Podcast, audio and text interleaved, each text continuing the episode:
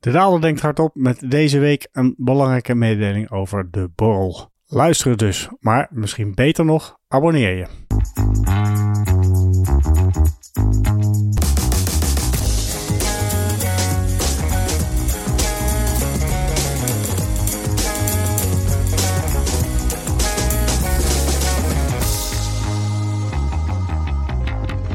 De welkom in het Artificial Intelligence tijdperk editie van De Daalder Denkt Hardop. Opgenomen op Valentijnsdag 14 februari. Dus dat ook de Valentijnsdag editie kunnen zijn. Waar het niet dat ik helemaal niks heb met Valentijnsdag. Nooit gedaan. Ga ik ook nooit doen. Misschien nog wel iets voor mijn kinderen. Die schijnen dat op school zelfs al met de rozen. Die kan je dus daar gewoon collectief kopen. Nou, in mijn tijd hadden we daar nog nooit van gehoord van Valentijnsdag. Mocht u nu denken, oké boomer, dat is uw goed recht. Waar het niet dat ik natuurlijk officieel de oudste millennial van Nederland ben. Althans, zelf-acclaimed oudste millennial van Nederland. Maar goed, daar gaat het niet om. Als u zin heeft om Valentijnsdag te vieren, doe dat vooral. Laat mij dan ook het recht om het totaal aan mij voorbij te laten gaan. Aan het woord ben ik, Lucas Daalder, Chief Investment Strategist bij BlackRock Nederland. U luistert naar de Daalder, denkt hardop waarin ik het deze week ga hebben over de Artificial Intelligence Boom, over de Baltic Dry Index. Dat is een onderwerp van vorige week. Uiteraard komt de podcast van de week weer langs, of de podcast tip van de week natuurlijk wel langs. Eh, we gaan het hebben over financiële markten en met een beetje geluk ook wat meer details over de borrel. Waarbij ik gelijk moet toegeven dat ik, terwijl ik dit uitspreek, nog helemaal niks geregeld heb. Dus verwacht niet op korte termijn dat er een borrel gaat komen, maar misschien wel wat meer details over hoe je je moet opgeven. En met deze briljante cliffhanger kunnen we beginnen aan de editie van deze week. Nou, eerst maar eens eventjes de markten, waarbij ik gelijk als disclaimer kan melden dat ik dit allemaal opneem vlak voor het belangrijke inflatierapport in de VS, CPI-nummer, wat om half drie uitkomt. Nou, dat weet ik dus nog niet. En het kan me zo voorstellen dat als daar een grote schok plaatsvindt, dat dat ook een behoorlijke beweging in de markten teweeg kan brengen. Overigens hadden we vorige maand een rapport wat eigenlijk min of meer in lijn was met wat consensus verwachtte. En toen was de marktreactie ook niet aanwezig, of nauwelijks aanwezig. Dus ook die mogelijkheid is er natuurlijk ook. Nou, hoe kijk ik tegen de markt aan? Voorafgaande aan dit rapport. Over het algemeen kan je zeggen dat je ziet dat het momentum wat we in de eerste maand hadden, januari, maar eigenlijk ook in december, dat die de afgelopen weken wat aan het verzwakken is. Oorzaak hiervoor was natuurlijk het sterke payroll report, wat ik vorige week ook al behandeld heb. Plus inderdaad nog meer cijfers die lieten zien dat de Amerikaanse economie het eigenlijk toch nog best wel doet. En dat had natuurlijk consequenties voor met name de rentemarkt. Voor Amerika verwacht iedereen nu dat de rente inderdaad nog met een paar stappen verhoogd zal worden. Dat piek ergens boven de 5% zal liggen. Nou, wat daarna gebeurt, daar zijn de meningen nog wat over verdeeld, maar dat maakt niet zoveel uit. Je ziet dat er de afgelopen weken een correctie heeft plaatsgevonden, met name aan de korte lopende obligaties, maar ook de druk op de langer lopende obligaties is daarmee teruggekomen. Als je puur willekeurig. Ik ben altijd een beetje huiverig om te veel in kalendermaanden te denken. Maar als je inderdaad kijkt naar wat nou je rendement is geweest over de afgelopen maand. Dus nou 14 februari tot een maand terug. Dan zie je eigenlijk dat er nog best wel wat positieve rendementen behaald zijn. Met name in de aandelenkant. Maar je ziet eigenlijk weer dat de obligatiemarkt, alle obligatierendementen de afgelopen 30 dagen negatief zijn geweest. Weliswaar niet zo erg als we dat in vorig jaar, in 2022, hebben gezien. Maar desondanks zie je toch wel weer een tikje terug. De aandelenmarkt lijkt dat tot nu toe voornamelijk naast zich neer te leggen. In die zin, je ziet er daar nog wel positieve rendementen. Met name de IT-sector heeft het de afgelopen, nou laten we zeggen, 30 dagen goed gedaan. Maar dat is voornamelijk te danken geweest aan specifieke bedrijfsresultaten. En ook inderdaad het thema wat ik later ga behandelen, de ontwikkelingen op AI-gebied. Verder is het ook wel interessant om te zien dat als je nogmaals die afgelopen 30 dagen erbij pakt, dat je ziet dat olie per saldo omhoog is gegaan, terwijl koper juist heeft ingeleverd, precies in lijn met hetgeen wat eigenlijk vorige week besproken is, ja, wat, wat, wat meer lijkt te kloppen met de heropeningstrade van China dan hetgeen wat we tot nu toe hebben gezien. Als je meer informatie daarover wil, verwijs ik natuurlijk met plezier terug naar de aflevering van vorige week. Per saldo zie je dus dat de obligaties wat aan het verzwakken zijn, aandelen trekken zich er vooralsnog niet zo heel veel van aan, maar de uitslagen zijn dusdanig beperkt dat je hier nou ook weer niet hele grote of zwaarwegende conclusies aan kan verbinden. Eén CPI-rapport en je hebt het over een heel ander beeld. Wat mij gevoelsmatig dan verder nog wel opvalt, en dat heb ik ook geprobeerd te kwantificeren in de daalder op dinsdag, dus lees die als je dat zou willen doen, uh, is dat de volatiliteit in obligaties toch wel structureel wat hoger lijkt te liggen dan de volatiliteit in aandelen. Dat klopt trouwens voor Europa. De VS lijkt het toch nog wel mee te vallen. Dus ook op zich wel weer een opmerkelijke uitkomst van dat onderzoekje. Tot zover het overzicht van de financiële markten. Ik zou zeggen, pas op de plaats in afwachting op hetgeen dat komen gaat.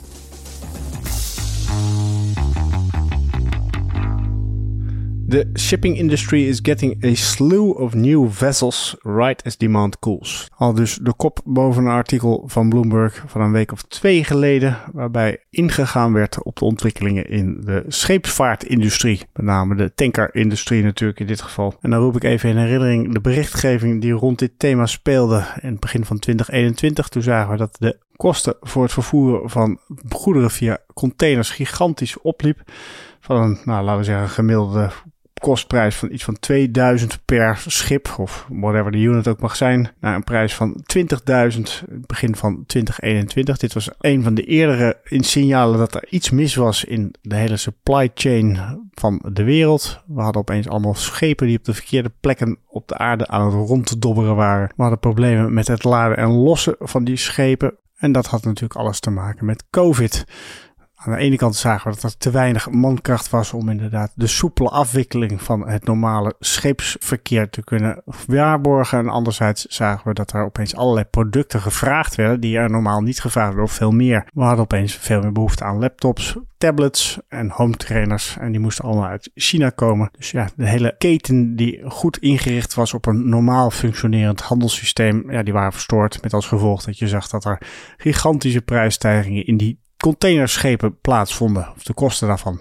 Het was natuurlijk een voorzetje voor de inflatiecrisis die komen zou. Want niet alleen kwamen hier de vervoerskosten veel hoger te liggen, maar je zag ook dat er gewoon beperkte capaciteit was. Met als gevolg dat er allerlei tekorten ontstonden in verschillende producten, die dan weer tot nieuwe prijsimpulsen leiden. Nou, dit zijn natuurlijk van die cycli waarvan je zeker weet dat die zichzelf zullen gaan uitdoven. Want wat gebeurde er? Er werden tijdelijk mega winsten gemaakt door de vervoerders, die vervolgens die winsten voor een groot deel ook weer gingen gebruiken om hun vloot uit te breiden. Nou duurt het altijd wat, hè? je krijgt niet zomaar zo'n groot schip klaar in een maand. Sterker nog, als je het Bloomberg artikel erop naslaat, dan wordt er gesproken over een productietijd van ongeveer 18 maanden. Nou, dat is ongeveer de periode waar we nu op zitten, 18 maanden later. En wat zie je, er komt opeens een hele sloot van die nieuwe tankers online. Het artikel haalt Drury Maritime Research aan om aan te geven dat er ongeveer 900 schepen dit jaar opgeleverd gaat worden en dat dat ongeveer 1,4 miljoen 20-foot equivalent units aan capaciteit gaat toevoegen aan het huidige systeem. Wat ongeveer overeenkomt met 5% van de huidige capaciteit. Nou, dat roept natuurlijk wel weer vragen op, want deze capaciteit gaat die ook gevuld worden. We zien natuurlijk dat de vooruitzichten voor de conjunctuur nog steeds niet denderend zijn. Misschien belanden we dan wel niet in in een hele stevige recessie. Maar we zitten toch nog steeds tegen een soort van vlak jaar aan te kijken. Enige hoop is dan nog dat China een klein beetje helpt. De Chinese economie herstart. Maar goed, of dat voldoende is om die 5% volledig te absorberen, dat is natuurlijk de vraag. En dit roept bij mij toch wel een beetje herinneringen op aan de gouden tijd dat iedereen het had over de Baltic Dry Index. Dat zou echt de beste leading indicator van de wereld zijn. De Baltic Dry Index geeft de prijsontwikkeling van de tarieven in de, de bulkscheepvaart weer. Waarbij het achterliggende idee natuurlijk was dat het aanbod van schepen relatief stabiel was.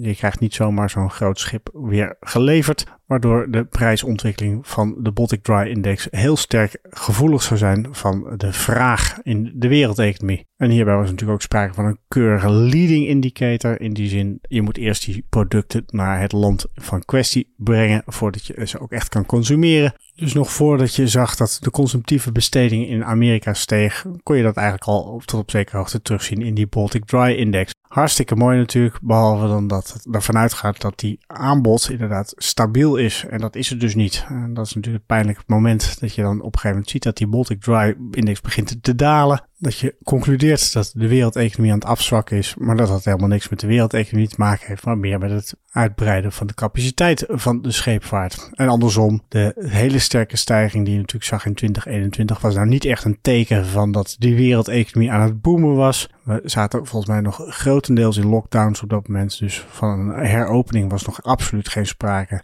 Dit had alles te maken met gewoon problemen in de aanvoerketen. Dus als je het dan toch over boomers hebt, want die term heb ik vandaag al gebruikt, dan is dit een typische boomer-indicator. Op het moment dat je ziet dat een stratege een analist het nog over de Baltic Dry Index heeft, of de term Dr. Copper gebruikt, dat zijn volgens mij echt twee hele duidelijke indicatoren van iemand die iets geleerd heeft in het verleden, maar inmiddels niet doorheeft dat dit soort indicatoren ja, de beste tijd gehad hebben. De wereld is in een andere fase terechtgekomen. Als je kijkt naar bijvoorbeeld China, die investeert lang niet zoveel meer en niet meer zo heftig als ze dat in het verleden hebben gedaan. Dus ook de koperprijs is lang niet meer zo betrouwbaar als een soort van leading indicator voor de motor achter de wereldeconomie, de Chinese groei.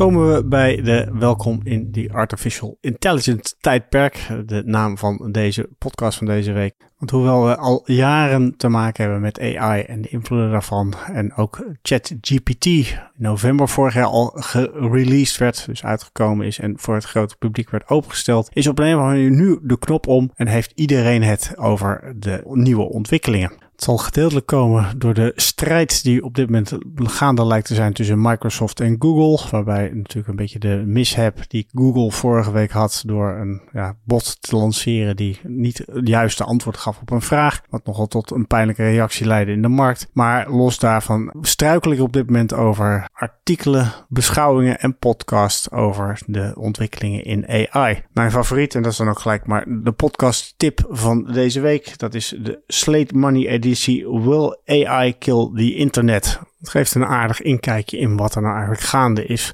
Ook op mijn werk was er toevallig vorige week een presentatie die ik heb bijgewoond. En dat gaf ook nog weer nieuwe inzichten wat mij betreft. Dus opeens staat het thema AI op de voorgrond. Nogmaals, het thema bestaat al langer. We leven zelfs al met allerlei producten en diensten die gecreëerd zijn met behulp van AI. Maar het valt moeilijk te ontkennen dat het onderwerp opeens veel hoger op de agenda is komen te staan. Nou, hoe komt dat? In principe natuurlijk allemaal door de release van ChatGPT. Wat is dat? Dat is een soort van AI-bot waarbij je allerlei vragen kunt stellen, opdrachten kunt geven. Het schijnt zelfs dat je programmeerproblemen kan voorleggen en dat lost hij dan op. Ik heb volgens mij in december daar al een keer een column over geschreven in het Financieel Dagblad. Op een of andere manier zitten ChatGPT en ik totaal op een andere golflengte. Ik, ik kan niet werken met dat ding. Ik weet niet wat andere mensen van vragen stellen. Maar bij mij blijft het toch altijd een beetje hangen in een soort van ja, grappig. Maar wat heb ik eraan? Mijn eerste vraag was uiteraard schrijf een column over. En in dit geval was het een column over het eindejaarseffect. Nou, dat was een, een zouteloze opsomming van feitjes waarvan ik mezelf afvroeg of ze allemaal klopten. En dat gevoel werd alleen maar versterkt toen ik een andere vraag probeerde. Ik was bezig met een kerstpuzzel en ik moest een woord formeren met de letters L, L, E, E, E, S, R, I, F, A. En vroeg dus vervolgens aan ChatGPT wat het langste woord zou zijn. Nou, de bot kwam terug met het woord vlezer. F-L-E-S-E-R. Nog nooit van gehoord. Zijn antwoord: Dit is een samenvoeging van fles en ER. Wat een woord is dat wordt gebruikt om aan te geven dat iets extra of bijzonder is. Bijvoorbeeld, dit is geen gewone fles, het is een vlezer. Het geeft gewoon aan dat dat ding totaal niet weet waar hij het over heeft. Wel grappig natuurlijk dat hij met een dergelijke optie komt. Je kan zeggen, van, het is nog best wel inventief. Maar goed, je hebt er dus niks aan. Best lachen hoor, om een Outlook te schrijven in Taylor Swift-style.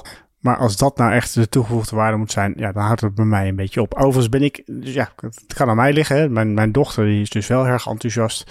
Die zat eindeloos te giechelen om allerlei dingen die ChatGPT voor haar ophoestte en uitwerkte. Uh, mijn andere dochter die was trouwens lichtelijk in paniek. Die heeft wel vier keer verzucht. Kunnen we ze niet zoeën? Kunnen we ze niet zoeën? Dit mag toch niet? Tot zover mijn eigen bevindingen. Laat ik ook nog eens even wat meer aandacht geven aan wat het nou precies is. ChatGPT heeft gedurende drie maanden met het gebruik van geloof 10.000 CPU's geleerd van publieke data wat taal nou eigenlijk is. En dan heb je het niet alleen over Nederlands, maar ook Engels. Ik kan zeggen van hij heeft eigenlijk de heel internet geript. Denk daarbij aan Wikipedia en dergelijke. En is gewoon gaan kijken hoe zitten zinnen nou eigenlijk in elkaar. Het berekent in feite de kans op een woord gegeven de voorgaande woorden die je al hebt ingevoerd. Dus de kat loopt naar. Nou, dan kan ChatGPT boven het eten, de horizon, einde van de straat, dat soort termen gebruiken. Berekent gewoon hoe groot is nou de kans dat een bepaald wordt. En daar zit natuurlijk variatie in, want straat is even goed als het eten. En uiteraard snapt ChatGPT het verschil tussen die twee totaal niet. De ene keer kiest hij voor het, de straat, de andere keer het eten. En zo kom je dus ook tot een elke keer weer een nieuwe uitkomst, waardoor het ook een levendig gebeuren blijkt. Dat is dus belangrijk. Er zit geen enkel begrip achter. Het is gewoon puur kansberekening over, oké, welke woordencombinaties zijn nou logisch? Welke woordencombinaties zie je nou vaak? En die chatbot snapt dus helemaal niet dat vlezer geen woord is wat bestaat. Nee, ja, hij vindt dat logisch. Je hebt groot, groter, grootst, dom, dommer, domst, fles, flesser, vlees, nee, fles, vlezer, flests. En dat betekent dus ook dat als je ChatGPT iets vraagt, je absoluut geen enkele garantie hebt dat datgene wat hij oplevert ook echt waarheid is eindejaarseffect. Hij kan er totaal iets anders van maken dan wat ik denk dat het zou moeten zijn. Gewoon gebaseerd op woorden die hij natuurlijk niet snapt. Het is niet iets wat hij snapt. Hij zoekt gewoon in zijn database hoe vaak is het eindejaarseffect gebruikt. En in wat voor combinatie zien we dat. Oh, dan zal het dit een logische uitkomst zijn. Persoonlijk zou ik dus nooit ChatGPT gebruiken om een soort definitie eh, te produceren. Voor hetzelfde geld heeft hij het gelijk, maar voor hetzelfde geld heeft hij het helemaal mis. Zit ik te werken met een definitie die nergens op slaat? Of ga ik naar informatie kijken die ook helemaal niet relevant is? Waarom is de wereld dan toch zo enthousiast op dit moment? Nou, dat heeft met een paar zaken te maken. Ten eerste zie je dat je dus in een vrij korte tijd, drie maanden, toch heel ver kan komen met AI. Het zijn in principe gewoon computers die met elkaar bezig zijn. Je hoeft er verder eens niet naar te kijken. Je zet het aan en klaar ben je. Verder zit hier tot nu toe heel sterk de beperking in. We hebben alle data tot een bepaalde periode bekeken, 2021. Er is geen echte interactie met het internet. Dus je kan nu ook nog geen vragen stellen over van oké, hoe ziet het weer eruit? En die informatie is er niet. Maar dat is een toekomst waarvan je kan zeggen, wellicht zit daar verbetering in. Maar belangrijker is natuurlijk ook, tot nu toe is er eigenlijk allemaal gekeken naar de algemene publieke data op het internet. Inclusief Twitter en wat iets meer zei. Waar iedereen gewoon kan schrijven en zeggen wat hij wil. Ik kan me best voorstellen dat als je dit toepast op bijvoorbeeld heel gestructureerde wetteksten, waar toch, ja, toch wel een soort van vaste regels bestaan over hoe je zinnen construeert, zonder dat daar nou leugens of onwaarheden in staat, dat je wel degelijk bij een tool komt die echt wel bruikbaar is. Los daarvan, we zitten met z'n allen nu naar het chat GPT te kijken, maar dat is zeker niet het enige initiatief. Er zijn veel meer kapers op de kust, dus er wordt veel meer geïnvesteerd in deze technologie, waarbij een aantal partijen er tot nu toe bewust voor gekozen hebben om nog niet de kaart op tafel te leggen. En hierbij fungeert ChatGPT natuurlijk een beetje als de vonk die het zaakje in de fik heeft gestoken. Mijn collega binnen BlackRock die die presentatie gaf, die haalde bijvoorbeeld een Nvidia aan. Die sprak van een verdubbeling van de capaciteit van elke drie maanden. Nou, dus reken maar uit wat dat ongeveer betekent op jaarbasis. Belangrijk is verder dat we het tot nu toe alleen maar hebben over de tekstkant van de zaak. Dus hoe worden woorden gebruikt? Hoe worden zinnen geconstrueerd? Je kan dit natuurlijk ook makkelijk uitbreiden naar bijvoorbeeld foto's, afbeeldingen producties, geluid, video. En daar liggen natuurlijk allerlei nieuwe terreinen waar AI opeens een belangrijke rol kan gaan spelen. Als ik naar mijn eigen werk kijk, ik ben best wel veel tijd altijd bezig met het maken van grafieken. Eigenlijk is dat altijd een vrij repeterende exercitie waarbij ik wat data heb, wat berekeningen heb gedaan en vervolgens een grafiek maak met bepaalde asinstelling, met bepaalde kleurstellingen en dergelijke. Uiteraard is elke grafiek anders, maar als ik eerlijk ben, denk ik dat ongeveer 80% van wat ik doe een soort van herhaling van Z is. Als je dat aan een AI kan overlaten, of als een AI op mijn grafieken wordt losgelaten en denkt van, oh ja, nou dit patroon herken ik wel, dan ben ik toch wel weer wat geholpen qua tijd.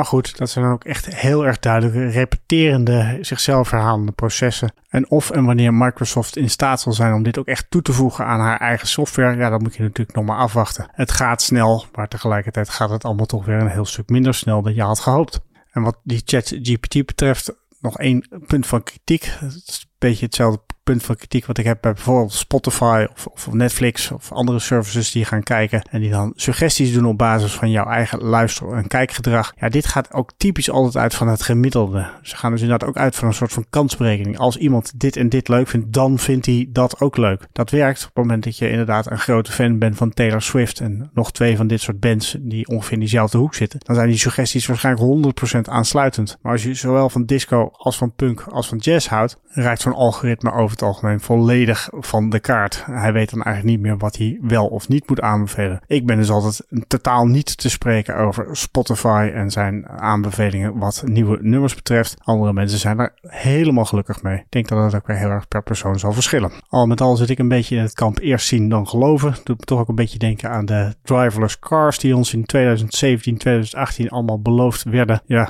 er rijdt wel van alles rond, maar echt driverless, dat mag eigenlijk niet, kan eigenlijk niet. Kost ook weer te veel energie, las ik. Dus ook dat is weer een soort van hype die zichzelf niet volledig heeft waargemaakt. En ik vermoed eigenlijk dat dit eenzelfde pad zal doorlopen. Dat neemt niet weg dat de hype cycle, als je op dit moment kijkt, heel erg duidelijk on is. En dat zal waarschijnlijk wel betekenen dat de nodige fantasie de komende tijd ook wel weer rond dit thema gaat spelen. Er stieren nog wat huishoudelijke mededelingen. Iemand had mij geschreven: wat is er met de rubriek OOO gebeurd? Opmerkelijk onverwachts en onbesproken. Een goede vraag. Ik heb hem min of meer een stille dood laten sterven. Maar goed, onder het kopje uh, u vraagt wij draaien, ga ik mijn best doen om hem volgende week weer nieuw leven in te blazen. En dan, het belangrijkste van alles, de borrel. Want aflevering nummer 50 zit er aan te komen. Zoals ik al heb aangegeven, ik vermoed eigenlijk niet dat ik op korte termijn een borrel kan gaan organiseren. Ik, zou het ook niet willen, want ik zit zelf in een, ja, zeg maar, een alcohol alcoholloze periode. En ik vind het toch altijd wel leuk om op een borrel gewoon zelf wat mee te kunnen drinken. Uh, dus ik ga hem sowieso niet nu in, nou laten we zeggen februari, maart houden. Dat zal eerder richting april, misschien mei gaan. Maar de grote vraag is daarbij natuurlijk van hoeveel mensen komen er nou eigenlijk opdagen op zo'n borrel. Ik heb in het verleden heb ik een rubriek gehad Best of the Web. Dat was een, je kan trouwens googlen Best of the Web. Doe dat vooral, dan kom je op de website www.lucasdaalder.com uit. En als je dan teruggaat in de tijd, zie je wat Best of the Web was. Was een verzameling van links, plaatjes, grafieken over financiële markten, die ik dagelijks verzorgde. Daar heb ik op een goed moment gezegd van, goh, zal ik eens een borrel organiseren? En dat was eigenlijk heel erg leuk. Daar kwam van alles op af. Uh, zeg maar mensen die ik kende van Twitter, mensen die uh, journalistiek zaten, collega's en dergelijke daar had ik op een gegeven moment wel een redelijk beeld van hoeveel mensen erop zouden komen dagen. Maar ja, podcast is natuurlijk een nieuw medium. En ik weet bij god niet hoeveel van de podcastluisteraars ook inderdaad bereid zijn of geïnteresseerd zijn om naar zo'n borrel te komen. En om daar een klein beetje een indicatie van te krijgen, roep ik iedereen nu op om alsjeblieft even een mailtje te sturen naar vraag.daalder.blackrock.com. Ja, het mailadres wat je gebruikt zal nergens gebruikt worden. Zeker niet voor commerciële doeleinden. Maar het gaat puur alleen maar even om te kijken wat ongeveer de actie bereikt is van de luisteraars. Dus stuur een mailtje naar vraag.daalder.blackrock.com. Je hoeft eigenlijk alleen maar de aanhefborrel weer te geven. Je hoeft voor de rest helemaal geen tekst te in te vullen. Maar dan heb ik een beetje een indicatie van hoeveel mensen hier nou op reageren. Verplicht je trouwens tot niks. Hè? Dus het is niet zo dat je hiermee vastlegt. Maar het geeft mij een beetje een idee of ik nou de Ziggo Dome of de plaatselijke kroeg moet reserveren voor een dergelijk evenement. Dus vraag.daalder.blackrock.com en uiteraard als je daar andere vragen, opmerkingen, complimenten hebt, zijn die natuurlijk ook welkom. Ik ben heel benieuwd. Alvast bedankt.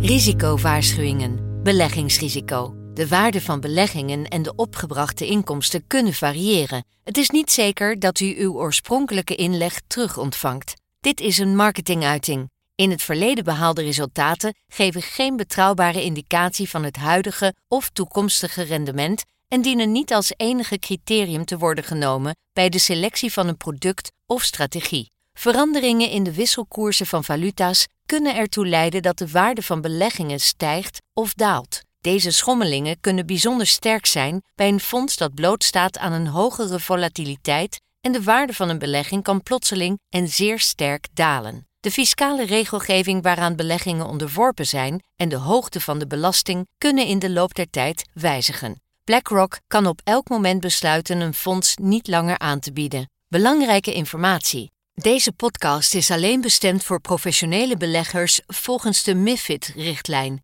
Andere personen dienen niet op de hier geboden informatie te vertrouwen. Deze podcast is uitgegeven door BlackRock Netherlands BV, dat een vergunning heeft verkregen en onder toezicht staat van de Nederlandse Autoriteit Financiële Markten. Officiële zetel Amstelplein 1 1096 HA Amsterdam. Telefoonnummer 020 549 5200. Ingeschreven in het handelsregister onder nummer 170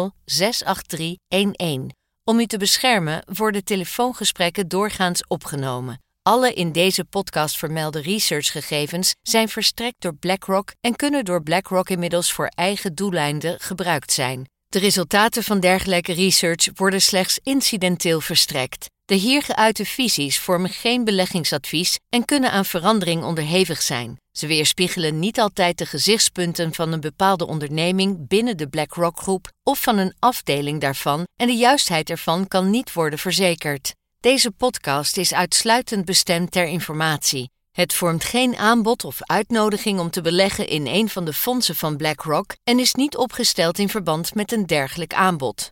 Copyright 2023 BlackRock Incorporated. Alle rechten voorbehouden. BlackRock is een geregistreerde handelsnaam van BlackRock Incorporated en haar dochterondernemingen in de Verenigde Staten en daarbuiten. Alle andere handelsnamen zijn van de respectievelijke eigenaren. Deze podcast mag niet worden verspreid zonder toestemming van BlackRock.